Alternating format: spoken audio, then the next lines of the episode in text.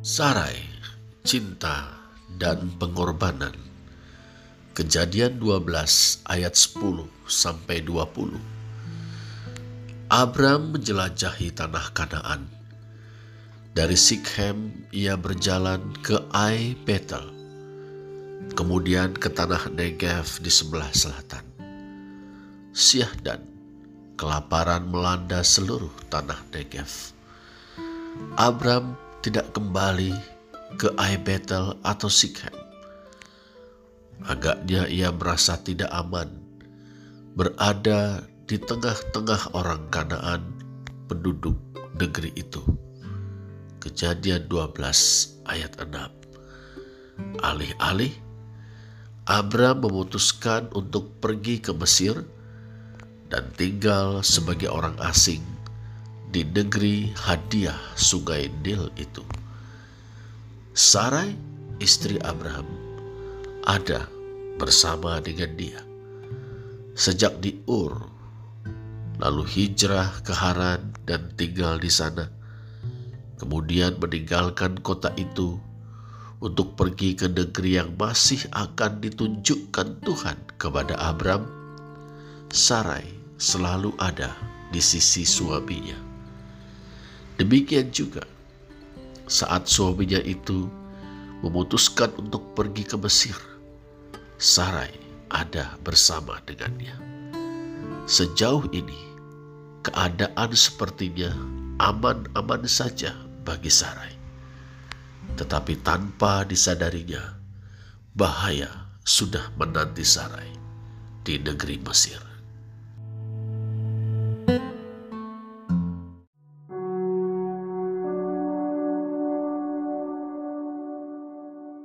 Sarai adalah seorang perempuan yang cantik parasnya istilah Ibrani Yepath Mar'eh yang mengandung pengertian cantik rupawan dan mempesona.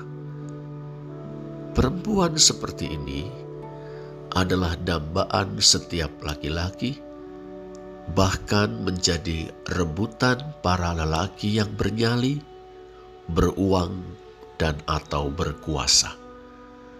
Bahkan sekalipun perempuan itu sudah bersuami. Tentu Abram merasa beruntung telah mendapatkan Sarai menjadi istrinya.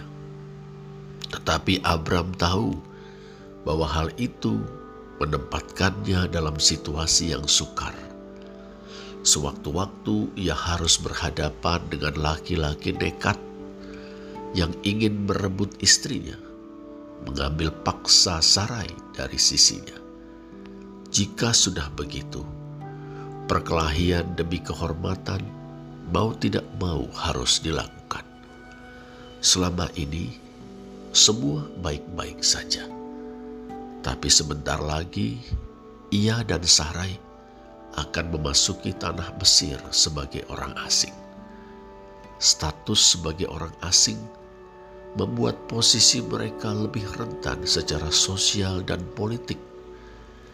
Mereka tidak memiliki hak yang sama dengan penduduk setempat, termasuk hak membela diri. Kedudukan mereka juga sangat lemah bila berhadapan dengan penguasa. Boleh-boleh saja seorang penguasa menjatuhi Abram hukuman mati untuk berebut Sarai. Menyadari hal itu membuat Abram takut. Tapi pilihannya sukar. Tetap di tanah Negev berarti mati kelaparan. Kembali ke kawasan tengah Kanaan akan bertemu dengan orang Kanaan yang justru dihindarinya. Masuk ke tanah Mesir yang kemah Haripah Loh Jinawi akan merisikokan perkawinan bahkan nyawanya sendiri. Abraham berpikir keras untuk menemukan jalan keluar.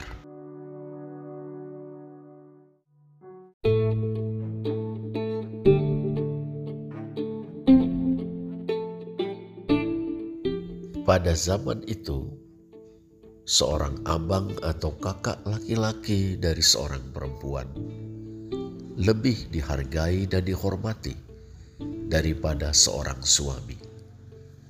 Seorang abang bertanggung jawab kepada sang ayah berkenaan dengan adik-adiknya, lebih-lebih adik perempuan.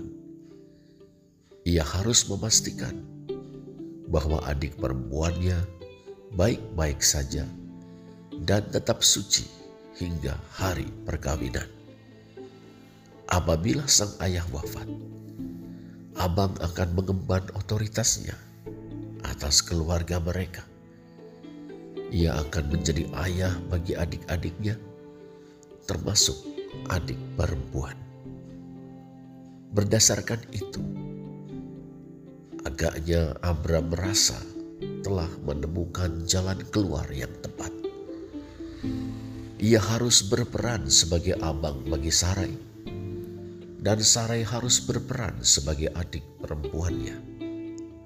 Dengan jalan itu, laki-laki mana pun tidak akan merebut Sarai atau mengambil paksa Sarai dari sisi Abraham, apalagi dengan terlebih dulu mencabut nyawanya. Takut kehilangan nyawa karena sebagai orang asing lemah secara sosial dan politik, Abram berusaha bertindak cerdik.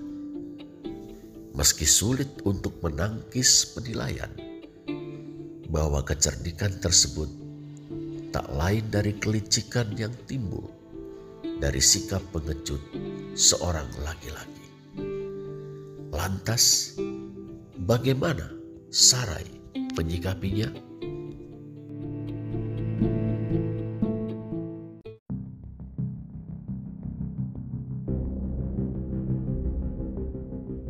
Tanpa berunding dengan Sarai, Abram telah membuat keputusan. Padahal keputusan itu bukan hanya mengenai dirinya sendiri, tetapi juga Sarai, istrinya. Kemudian ia minta agar istrinya itu menjalankan keputusan yang telah dibuatnya seorang diri. Di tanah Mesir, Sarai akan mengaku dan berperan sebagai adik perempuan Abram. Menurut perhitungan Abram, cara ini akan efektif menyelamatkan nyawanya. Dengan tampil sebagai seorang abang yang bertanggung jawab menjaga seorang adik perempuan yang cantik, rupawan, dan mempesona, Abram akan diperlakukan dengan baik oleh para lelaki Mesir. Nyawanya akan selamat karena adik perempuannya. Sebuah strategi yang jitu, bukan? Di lain pihak, kita tidak mendengar komentar Sarai. Tetapi dari kelanjutan kisah ini, kita tahu bahwa Sarai menerima keputusan itu ia bersedia mengikuti skenario suaminya, Abram. Ia bersedia untuk mengaku dan berperan sebagai adik perempuan Abram semasa mereka menjadi orang asing di tanah Mesir. Tentulah Sarai ingin agar nyawa suaminya bebas dari ancaman. Sarai juga ingin agar suaminya diperlakukan dengan baik oleh para lelaki Mesir. Tidak kalah pentingnya, Sarai ingin agar mereka berdua tetap hidup selamat dari sergapan kelaparan. Pendeknya, Sarai melakukannya karena cintanya kepada Abram suaminya. Bahkan, kendati suaminya itu telah berperilaku sebagai seorang pengecut dan berlindung di balik istrinya.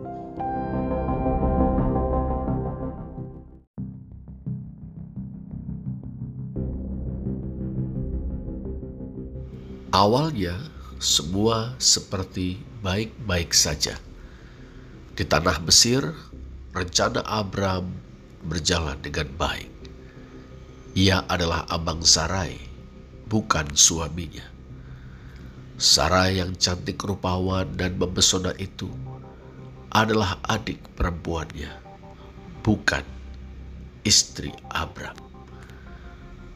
Orang Mesir, khususnya para lelaki, menghargai Abram dan menaruh hormat kepadanya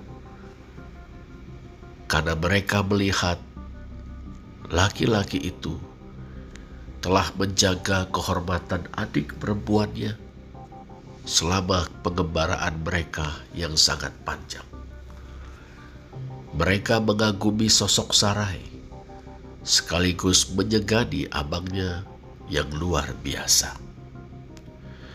Untuk sejurus waktu, Abram dan Sarai merasa lega, aman, bermukim sebagai orang asing di tanah Mesir.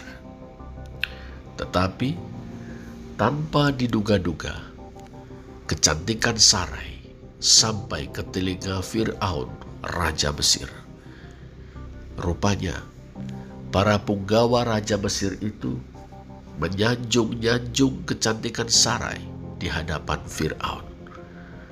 Penguasa tertinggi Mesir yang diyakini sebagai anak dewa matahari itu diliputi rasa penasaran.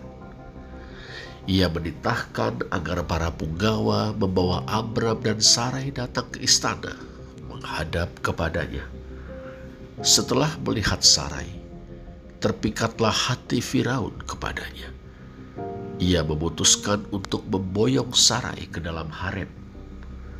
Demi kesantunan kepada seorang abang, ia memberi Abram harta benda yang banyak. Kambing domba, lembu sapi, keledai jantan, budak laki-laki dan perempuan, keledai betina dan unta. Fir'aun telah membeli Sarai. Abram yang sadar sedang berhadapan dengan seorang maharaja putra dewata dan berkuasa mutlak, terhajak tak berdaya karena pemaksaan yang kelihatan sopan itu. Siapakah yang dapat menolak keinginan Fir'aun? Tak dinyana Abram terperangkap dalam permainannya sendiri. Tanpa daya, ia telah menjual istrinya kepada penguasa tertinggi Mesir. Kecerdikan Abram telah menjerumuskan dirinya dan Sarai ke dalam jurang yang sangat dalam dan gelap.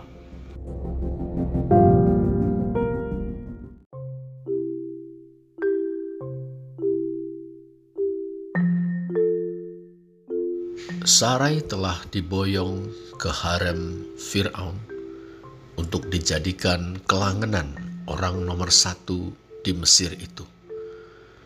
Untuk menyelamatkan nyawanya sendiri, Abram telah menyusun rencana yang dipikirnya akan berhasil gilang gemilang. Nyatanya, ia beroleh banyak harta, tetapi kehilangan istrinya.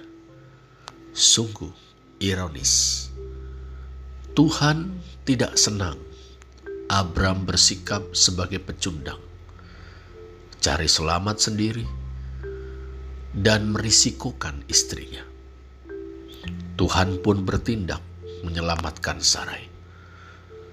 Sebab janji Tuhan kepada Abram akan digenapinya hanya melalui Sarai. Tuhan mendatangkan tulah atau pagebluk kepada Fir'aun dan seisi istananya. Allah sejati menundukkan putra Mahadewa Ra dan Sang Mahadewa tidak dapat berbuat apa-apa untuk melindungi putranya. Mungkin atas nasihat para pendeta Mahadewa Ra di Mesir itu, Firaun mengembalikan Sarai kepada Abram dan mengusir mereka dari tanah Mesir. Sarai selamat. Abram boleh lega dan bergirang. Tapi tiada ruang sekecil apa pun tersisa baginya untuk berbangga. Ia telah gagal untuk menjadi seorang ksatria bagi istrinya.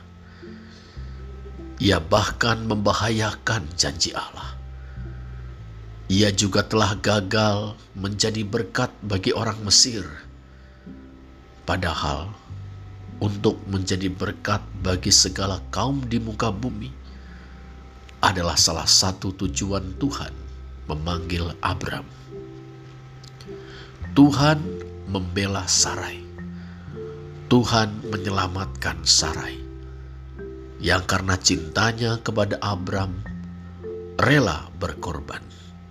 Tetapi nyaris menjadi korban dari keputusan suaminya yang jauh dari sifat seorang kesatria sebuah pelajaran yang sangat berharga bagi kita yang sekarang menjadi anak-anak rohani Abram yang dikenal sebagai bapa orang beriman itu.